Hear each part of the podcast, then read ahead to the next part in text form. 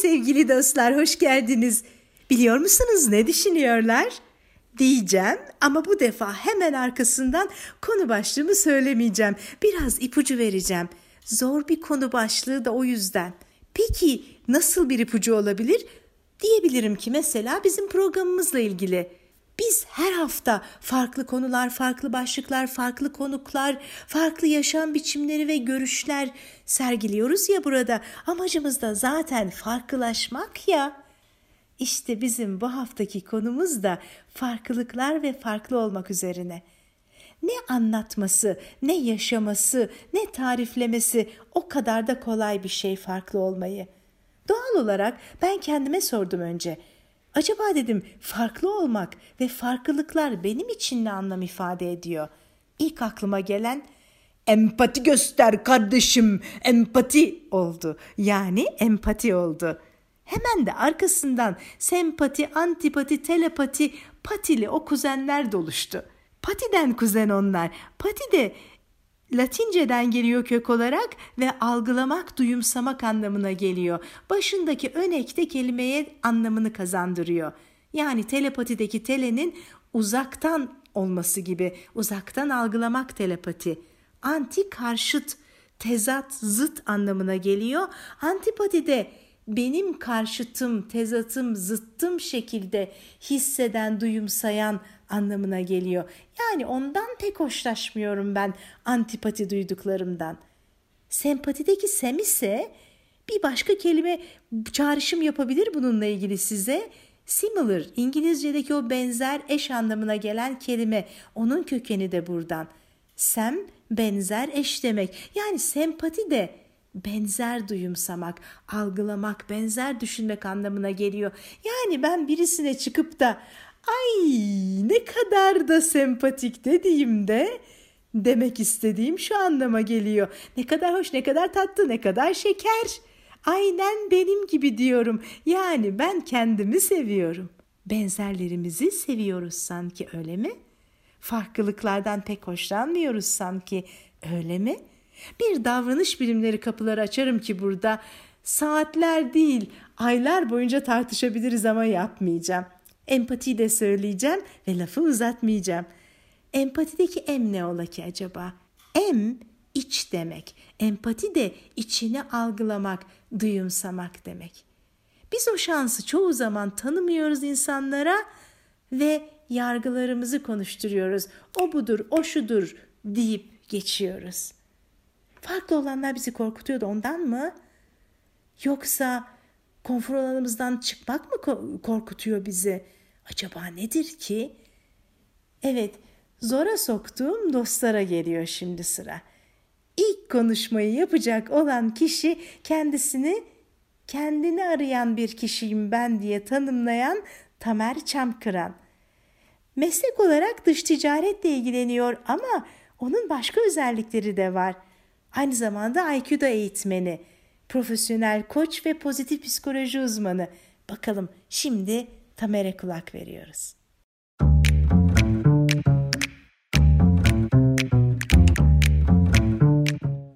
Ne güzel bir kavramdır farklılık. İnsanı, yaşamı, dünyayı güzelleştiren, geliştiren ne kadar önemli bir kavram. Kimileri tuhaf bulabilir bu söylediklerimi. Hadi canım ne güzelleştirmesi. Farklılıklar olmasa insan, yaşam ve dünya daha uyumlu bir halde olabilirdi diyebilir. Olsun desinler. Onlar da benden farklı düşünsün canım. Ben farklılıkların, çeşitliliğin çok önemli olduğunu düşünüyorum. Bu sayede insan kendini geliştirebiliyor ve bu sayede medeniyetler kuruluyor. Dünya sürekli değişiyor. Farklılıklar yaşamı daha renkli kılıyor.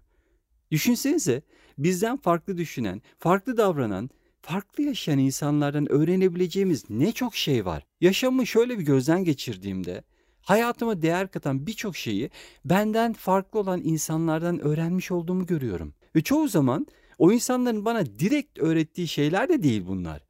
Benim onlarda gördüğüm ve sonrasında hmm, ne kadar ilginç demek böyle de olabiliyormuş dediğim şeyler. Farklılıklar olmasaydı bence hayat çok sıkıcı olurdu. Herkesin aynı olduğu bir dünya hayal edelim. Ve hadi şöyle abartılı bir dünya olsun bu. Herkes filozof, herkes bilim insanı veya herkes ekonomist. Gerçekten çok sıkıcı olmaz mıydı? Her türlü gelişme tek yönlü olacağı için de kısır bir döngünün içinde yaşar dururdu insanlar. Ve bir diğer örnek de müzikle ilgili olsun. Bir koro örneği mesela. Orta seslerin eşliğinde pes sesler, tiz seslerin hepsinin birlikte uyumlu bir şekilde tınlayarak ortaya çıkan harika performansları düşünelim. Bireysel farklılıkların iyi yönetildiği ve sonunda ahenkli, uyumlu bir bütüne ulaşılabilen bir durumdan bahsediyorum. Ama tabii ki kendi başına bırakılmış, her kafadan bir ses çıkan bir durumdan bahsetmiyorum. O tip durumlarda bu sonuca ulaş, ulaşmak mümkün değil. Farklılıkları yönetebilmek beceri gerektirir. Aynı orkestra şefinin becerisi gibi. Üstelik bir çaba, emek, daha da önemlisi farklı bir yaklaşım, hmm, bazen zihniyet değişikliği de gerektirebilir. Farklılıkları savaşılacak, yok edilecek şeyler gibi görmek yerine farklılıkları kapsayıcı olursam, kucaklayabilirsem neler mümkün olurdu acaba hayatımda? Bana ne katkı sağlardı? Çalıştığım kuruma, yaşadığım topluma nasıl değer katardı diye bakabilmekten bahsediyorum. Peki bu kadar önemliyse farklılıklarıyla yaşama, farklılıkları yönetme becerisini nasıl öğrenebilirim? Ee, belki de basitçe 3 adımda özetleyebiliriz bunu ve ilk adım sanırım farklılıkları kabul etmek olabilir. Yani böyle bir ön kabul ile başlamak harika olurdu. Herkes, her şey farklı olabilir. İkincisi merak etsek neden farklı acaba diye. Kendi doğrularımızı bir an için bir kenara koyup bildiklerimizi unutsak ve niye farklı olduğunu merak etsek. Ve üçüncüsü bu farklılığı kendi yaşamıma entegre etsem yani farklı düşünmeye, hissetmeye ve davranmaya çalışsam acaba bana ne katkısı olurdu? Peki kolay mı bunları yapabilmek? Belki de farklılığın karşıtı üzerinden yani aynılık üzerinden cevaplamak gerekir bu soruyu. E artık buna da cevabı ben değil de şu ana kadar yaşamış en etkili bilim insanlarından birisi olan Albert Einstein versin. Aynı şeyleri tekrar tekrar yapıp farklı sonuçlar beklemek deliliktir.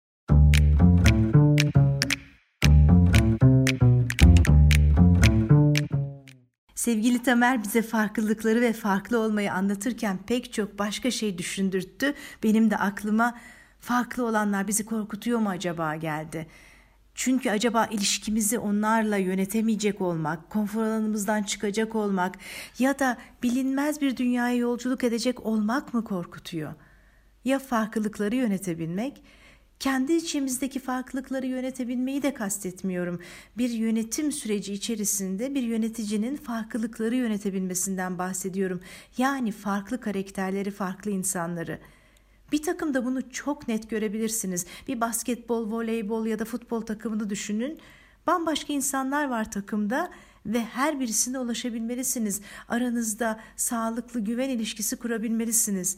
Aksi takdirde takımın her bir tarafı bir yana gidebilir. Bir basketbol koçu Avrupa Şampiyonası'ndan sonra şöyle tarif etmişti takımların bütünlüğünü ve uyumunu.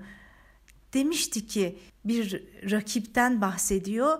O rakibe baktım sahada sanki kocaman bir balık yüzüyor gibiydi. Ama biraz daha yakından bakınca aslında o balığın küçük küçük balıklardan oluştuğunu görmüştüm, fark etmiştim.'' Oysa bir de bizim takıma baktım. Bizim takıma baktığımda her biri bir tarafa giden balıklar gördüm. Uyum yoktu. Herkes kendi kafasına göre takılıyordu. Kaybetmiştik o maçı ve üstelik de çok önemli bir şampiyonayı kaybetmiştik bu vesileyle.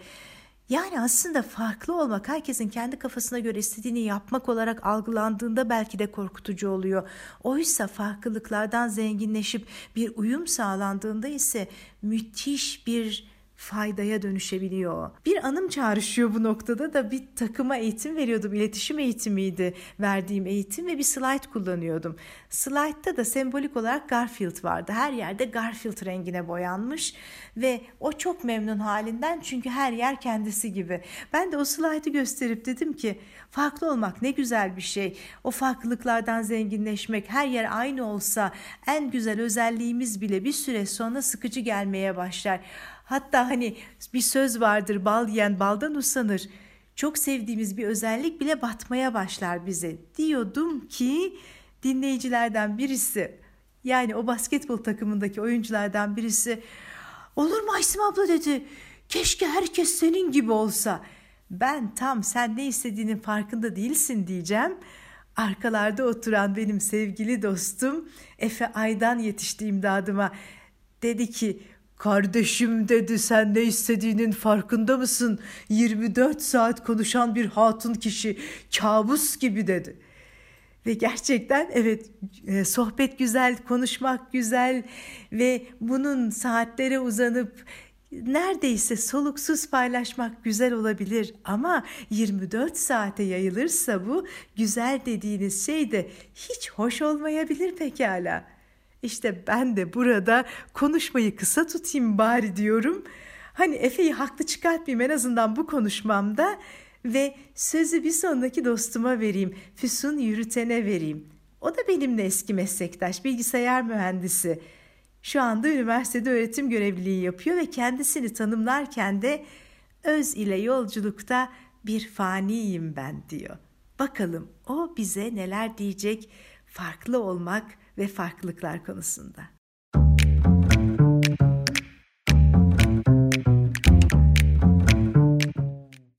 Sevgili Aysim, farklı olmak ve farklılıklarımız konusunda bir şeyler anlatmamı istediğinde kendime ilk sorum farklı ne anlatabilirim oldu.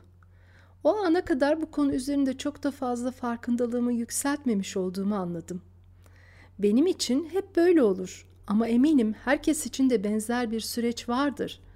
Odağınızı belli bir noktaya çektiğinizde içinizdeki ses konuşmaya başlar ve bir arayış başlatır. Bakın benim içimdeki ses neler söylüyor bu konuda. Hepimiz biricik, çok özel, tek ve dolayısıyla birbirimizden çok farklıyız. Ama aynı zamanda hani Tanrı'nın ruhumdan üfledim dediği gibi özde bir ve bütünüzde. Bu anlamda baktığımızda hepimiz aynıyız. Farklılıklarımız hayatı nasıl yaşadığımız ve nasıl algıladığımızla ilgili bir anlamda. Tıpkı bir bulmacanın farklı parçaları gibi başka bir parçacığın yerine oturamayacak kadar kendimize özgün fakat bir araya geldiğimizde aynı resmin parçaları olduğumuz gibi de benzerlik içinde olduğumuzu kabul etmemiz gerekiyor. Farklı olmaya çalışmanın kendimizi farklı bir yere koyabilmek adına olduğunda son derece ben merkezli bir yaklaşım ve sonucunun insanı çok da mutlu etmeyen bir savrulma olduğunu düşünüyorum. Belki buna farklı olmaktan daha çok ayrıcalık elde etmek de diyebiliriz. Farklı olmaya çalışmanın tüm insanlığın, bizim de dahil olduğumuz bütünlüğün farklı bir anlayış, yüksek bir bilinç, daha güzel bir yaşam, özgürlük, eşitlik gibi evrensel değerlere ulaşabilmesinde yeni bir pencereyi açabilmek olarak kabul ettiğimizde ise mutluluğu yaşatacak bir sıçramanın kaynağı olduğunu görebiliriz. Farklılığı bu şekilde hayata geçirebilmek için öncelikle sanıyorum insanın içsel barışa ermiş olması gerekiyor. Barış tüm çeşitlilikleri kapsar. Sevgi, saygı ve hoşgörü içerir. Güveni temel alır. İçsel barışa sahipseniz dışınızda da barışın tesisi için çalışabilirsiniz. Bunun için yüksek idealleriniz olmalı ve bu idealleri gerçekleştirirken farklılıklarınızı da ortaya koymalı. Kısaca fark yaratmalısınız. Bu fark herkes tarafından görülebilir olduğu kadar yaşanabilir de olmalı. En güzel örnek mi? Sevgili Atatürk. Bilgisiyle, iradesiyle, vizyonu ve idealleriyle kendi içinde planladığı devrimleri gerçekleştirerek farklı olduğunu gösterdi ve farkı yarattı. Hepimiz bu farkı yaşadık ve yaşamaya da devam ediyoruz. Yaptıklarının hiçbirisi kendisi için değildi ama kendi içinde olanı ortaya çıkardı. Kendisini tanımlarken en büyük özelliği olarak bahsettiği özgürlük ve bağımsızlığı bu topraklarda yaşayan herkes için aklın ve kalbin üzerindeki kısıtlamaları kaldırarak yaşanılır kıldı. Toplumlar farklı düşünceleri sahip olanları kısıtladıkları, sadece olana itaat etmesini temel yaklaşım olarak kabul ettikleri, konuşmayı susturdukları sürece yenilenemezler, gelişemezler, sonuçta tümüyle yok olmaya mahkum olurlar. Farklılıklar bu nedenle bence çok değerlidir. Bunlar arasında daha yüksek olanı, daha mükemmeli seçebilmek ve onun da üzerine daha da büyük farklılıklar yaratabilmek tüm farklılıkları kucaklayabilmekle mümkün.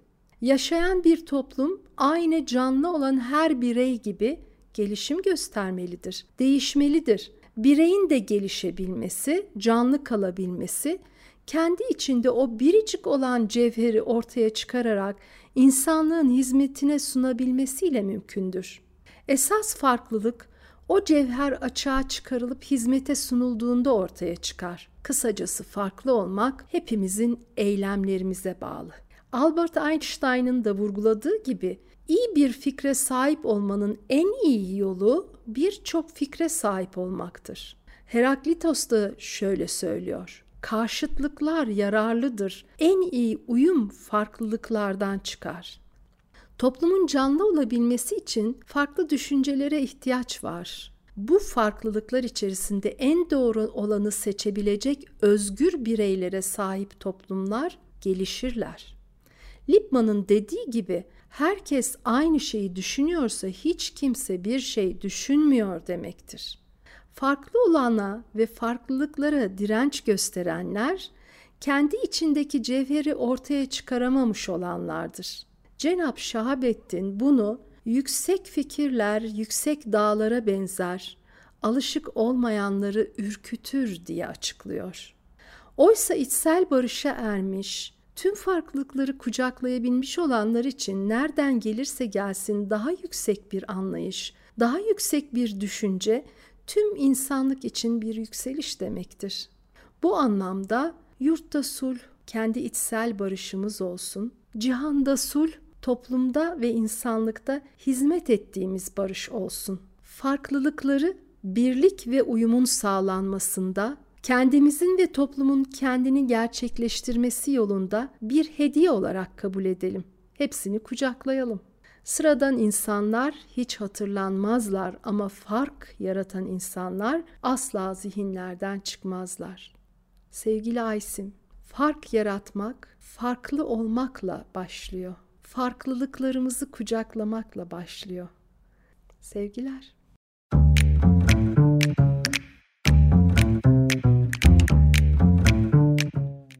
Çok teşekkürler Füsun. Fayda sağlamakla, farklılıklarla, farklı olmakla ilgili bize düşündürttüklerin için. Onlardan birisi benim aklıma takıldı kaldı mesela. En iyi uyum farklılıklardan çıkar diye. Çünkü benim de üzerinde çok düşündüğüm ve bana çok sorulan sorulardan birisidir bu. Bilim bu konuda o kadar çok uğraşmış ve o kadar çok deney yapmış ki onlardan birisi de Eş seçimiyle ilgili acaba biz eşimizi veya sevgilimizi ilişkide olacağımız kişiyi neye dayanarak seçiyoruz? İşte onunla ilgili yapılan çalışmadan birisinde bir alana masalar yerleştirmişler. Seçici olarak da kadınlar masaların bir tarafında oturuyorlar. Masaların alt tarafında da ilk izlenimlerini ve sonradan değişen fikirlerini ifade edebilmek için puanlama butonları, düğmeleri duruyor.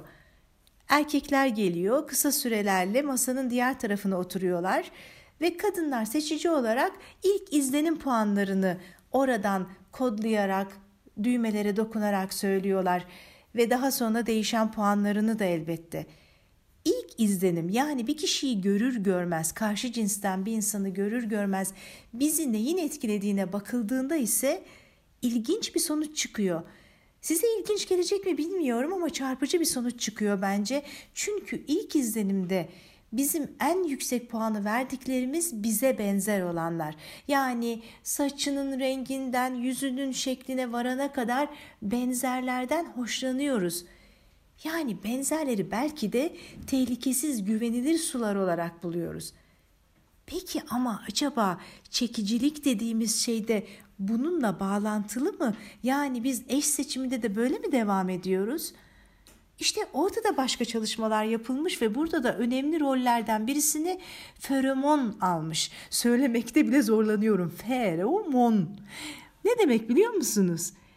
Aynı türün üyeleri arasındaki sosyal ilişkileri düzenleyen kimyasal demek. Yunanca kökeninde de sözcük hormon taşıyan anlamına geliyor ve ilk olarak da 1956 yılında ipek böceklerinde bulunuyor. Yani aslında doğada tüm canlılar feromon adı verilen türe özgü doğal bir koku kimyasalı salgılıyorlar. Bu kimyasallar da aynı türün bireyleri arasındaki sosyal ilişkileri, eş seçimini, cinsel davranışları ve üreme fizyolojisini etkiliyor. Peki nasıl oluyor da etkiliyor derseniz bununla ilgili bir çalışmadan bahsetmeliyim size. 1995 yılında İsviçre'nin Bern Üniversitesi'nde yapılmış bir çalışma bu. 44 tane erkek katılımcı var ve ona onlara yepyeni tişörtler veriliyor ve 3 gün boyunca da bunları giymeleri isteniyor. Başka kokularla da karıştırılmıyor. Hani doğal koku korunsun diye. Amaç burada o sürenin sonunda bu 44 erkeğin kendi kokusunun o tişörtlere sinmesi. Ki kisi işte önemli.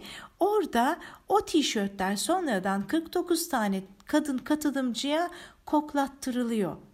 Ve bu koklama sonucunda da hangisini daha çekici bulduğu ve hangisini tercih edeceği soruluyor bu 49 kadına.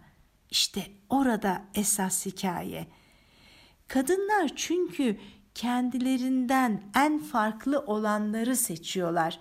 Kendilerinden en farklı dediğimizde HLA molekülleri bunlar. HLA molekülleri aslında bakarsanız bilimsel olarak baktığımızda hani bir organın bağışlanma söz konusu olur ya bir kişiden diğer kişiye transferi ve bir alıcı ve bir verici vardır. İşte alıcı ve verici arasında doku uyumunun olup olmadığını belirleyen e, doku antijeni diyebiliriz buna.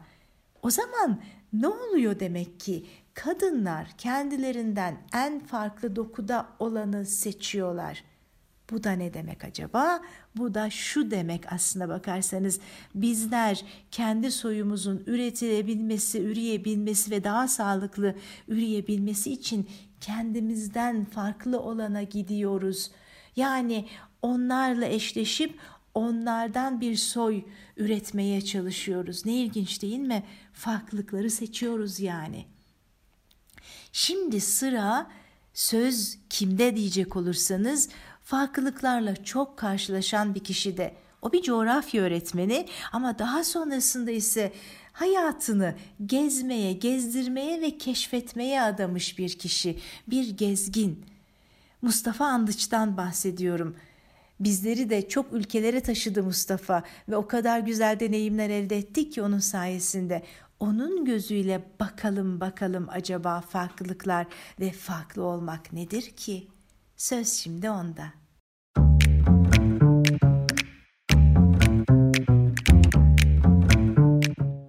Merhabalar. Farklılık ya da farklı olmak kavramı en güzel nasıl ifade edilebilir diye düşündüğüm zaman yıllar önce tiyatroda izlediğim bir replik aklıma geldi. Dante'nin bir repliğiydi ve şöyle diyordu. Her teline dokunduğumda aynı seslerin çıkmasından bıktım artık. Gerçekten de herhalde farklılık kavramını en güzel ifade eden sözlerden bir tanesi bu.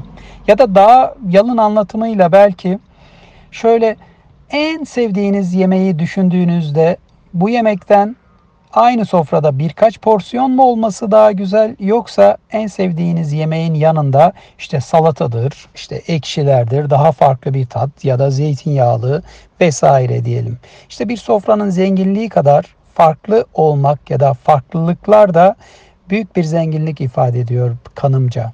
Bugün dünyanın 2 milyon yılı aşkın bir süredir yaşayan insanlığın geldiği noktaya bakarsak bence e, farklılıklar insanlık tarihini günümüze kadar getirmiştir. Örneğin Kristof Kolomb daha 16. yüzyılda dünya haritası ortalıkta yokken doğru düzgün e, Atlantik Okyanusu'nu geçip sürekli batıya giderek coğrafi keşifleri başlattığı zaman farkında olmadan belki o tüm dünyayı etkilemiş ve günümüze kadar da bunun etkileri sürmüştür. Özellikle reform ve Rönesans sonrasında Avrupa'da özgür düşüncenin gelişmesi bu farklılığın bir çeşit zenginlik ve o toplumları ileriye götürecek bir kavram olarak benimsenmesi bugün çağdaş toplum diyebileceğimiz ülkelerde bilimsel alanda, tıpta, kültürde, sanatta ne kadar ileri gitmişliğin bir göstergesini görebiliyoruz.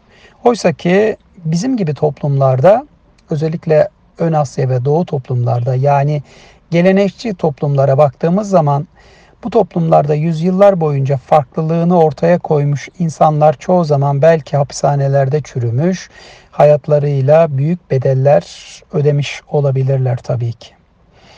Örneğin Edmund Hillary ve Tenzing Norgay 1953 yılında Everest'in zirve, zirvesine ilk defa tırmanışları yaptıklarından sonra insanlık tarihinin özellikle bu alandaki insanları o kadar etkilemiş ki bugün ben dahil Everest'te Himalayaların eteklerinde yürüyüş yapmak, o dağın e, havasını solumak gerçekten insanlara büyük bir cesaret ve, vermiştir.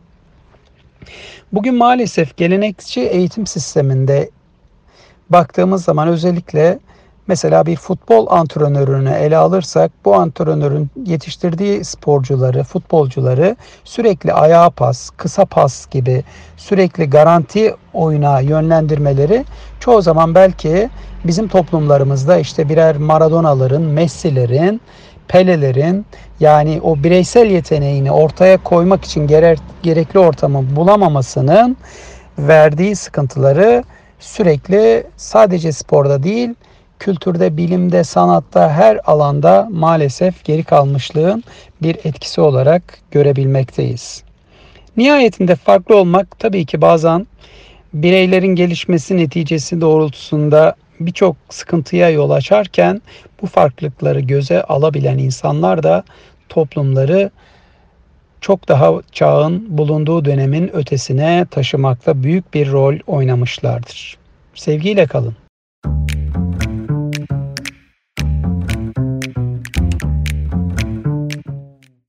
Mustafa Spor'dan örnek verince doğrudan aklıma birisi geldi.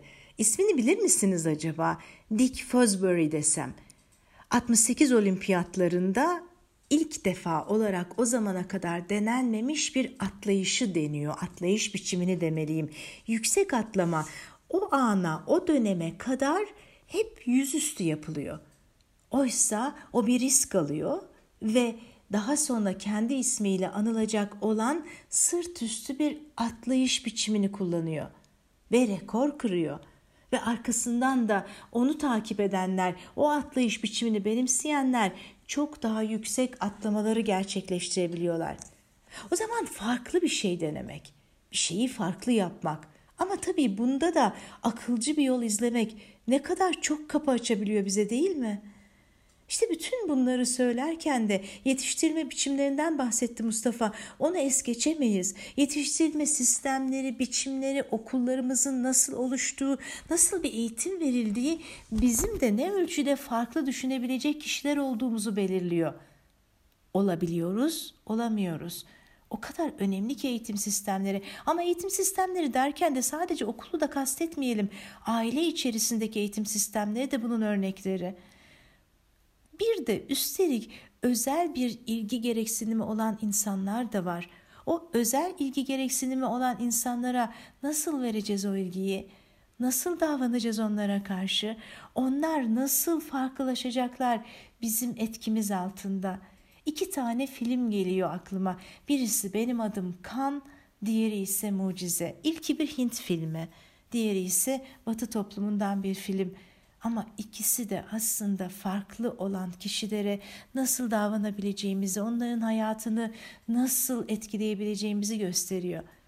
Bizler hep etkiliyoruz insanları. Çünkü davranış biçimimizde örnek oluyoruz ya da hayatlarına dokunuyoruz kişilerin. Öyle meslekler var ki doktorluk, eğitmenlik onlardan kesinlikle iki tanesi hayatlara dokunmak anlamında çok iyi gözlemci olan bir başka meslek daha var. Çok iyi gözlemci olması gereken hayatın tam içinde bir meslek avukatlık. Bir avukat arkadaşım gelecek şimdi. Serpil Serin gelecek. O iflah olmaz bir iyimser diye tanımlıyor kendisini. Bu farklılıklardan ve farklı olmaktan bahsederken o kadar güzel bir şey ifade etti ki Serpil. Dikkat ediyorum dedi müvekkillerimin kadın ya da erkek olmasına göre davranış biçimleri, dava ile ilgili tepkileri değişiyor Aysim dedi. E o zaman gelip anlatsana bir Serpil bize dedim. Ve şimdi o bize nasıl farklılaştığını anlatacak davranışların, yaklaşımların bu konuda. Söz sende şimdi.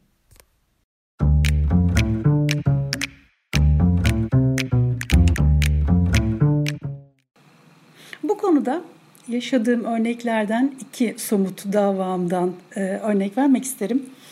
Evlilik içinde edinilmiş bir mal paylaşım davasıydı. Ben kadın tarafını temsil ediyordum. Davayı ilk mahkemede kazandık. Sonra o dönem medeni kanunda bir zaman aşımı ile ilgili değişiklikler yaşandı ve tabii karşı tarafın itirazıyla dosya Yargıtay'a gitti. Yargıtay bu medeni kanundaki değişikliği ne yazık ki müvekkilim aleyhine yorumlayaraktan kararı bozdu. Daha sonra yargılama süreci içerisinde Yargıtay görüş değiştirse de ne yazık ki bizim dosyamızda kararından dönmedi ve müvekkilim kazanmış olduğu davadaki haklarını alamayarak davayı kaybetmiş kabul edildi.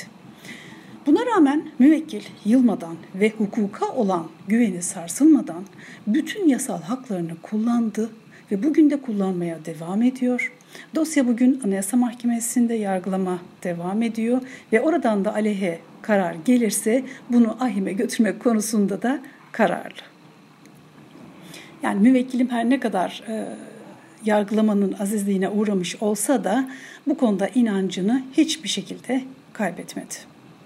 Bir başka dosyada ise erkek müvekkilim orta ölçekli bir şirket yetkilisi ve yılların deneyimli taciri. Ticari anlaşmalarını basit de olsa, el yazılı da olsa bir belgeye bağlaması konusunda defalarca kendisini uyarmış olmama rağmen aynı hataları bugün dahi yapmaya devam ediyor.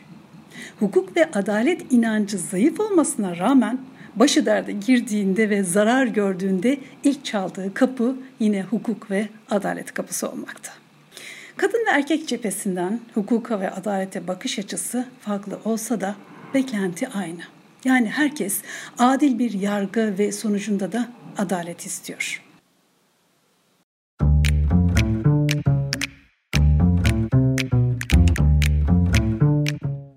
Diline sağlık Serpil. Kadın ve erkek arasındaki fark ve onların davranışsal olarak da başkalaşımı üzerine ne güzel örneklerdi bunlar. Ben bu arada hemen fırsatı kaçırmayayım diyorum ve bir tane kitap önereyim. Kitap önerim de Gary Chapman'ın Beş Sevgi Dili kitabı. İnsanların farklı sevgi dillerine sahip olmaları ve bunları ifade edişteki değişikliklerden dolayı da doğru ya da yanlış anlaşılma paradigmalarını gösteriyor. Okuyun diyorum. Çok şey öğreneceğiz ondan.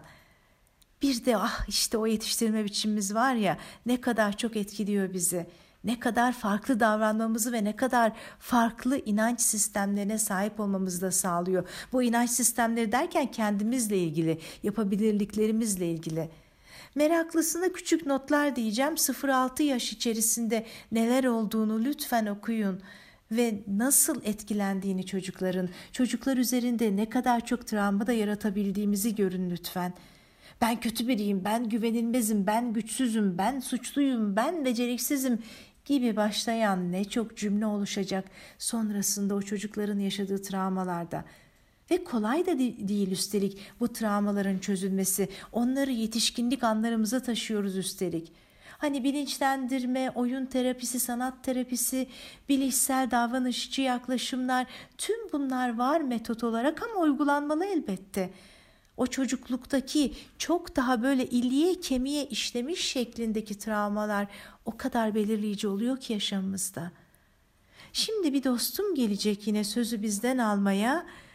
Çünkü o da zamanında 7 yıl özel gereksinimli çocuklarla atölyeler yapmış. Asıl mesleği ama okuduğu iş geleneksel Türk el sanatları öğretmenliği. Ve o kadar güzel yaratımları var ki objeler üretiyor. Ev hayatında kullanmak için aksesuarlar diyebilirsiniz buna. Ben ilk rastladığımda ona ve eserlerine ne kadar yaratıcı demiştim. Ne kadar güzel bir düşünüş var arka tarafında.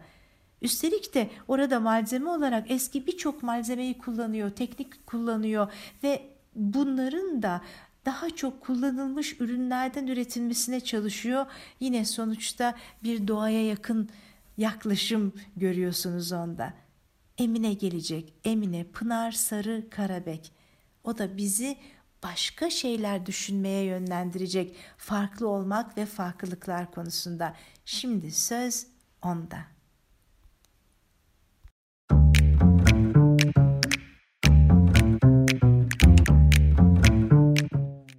Merhabalar.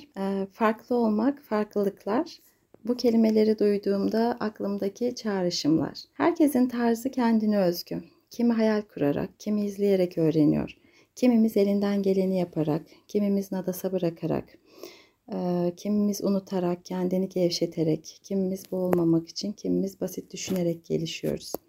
O güne, o ana ne uygunsa hepsi kişiye özel.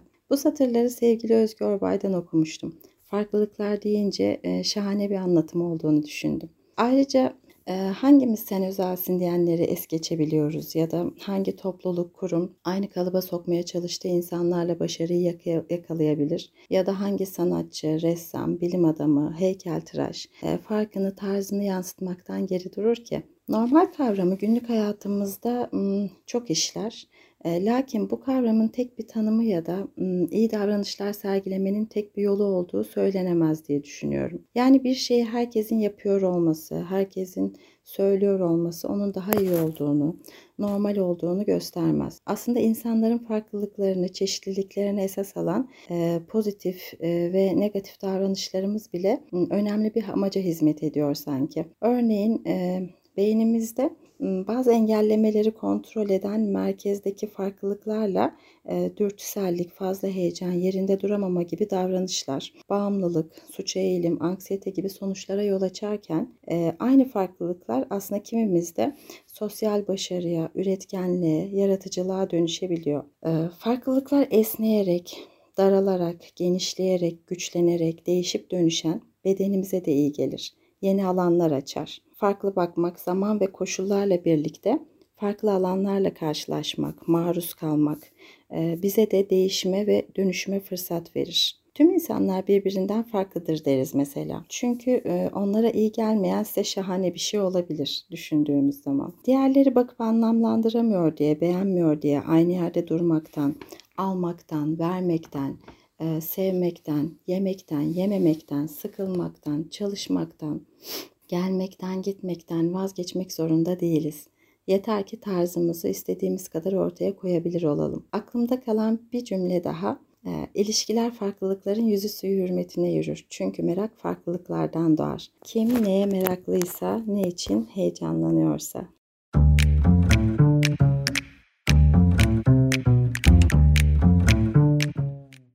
İlişkiler farklılıkların yüzü suyu hürmetine yürür.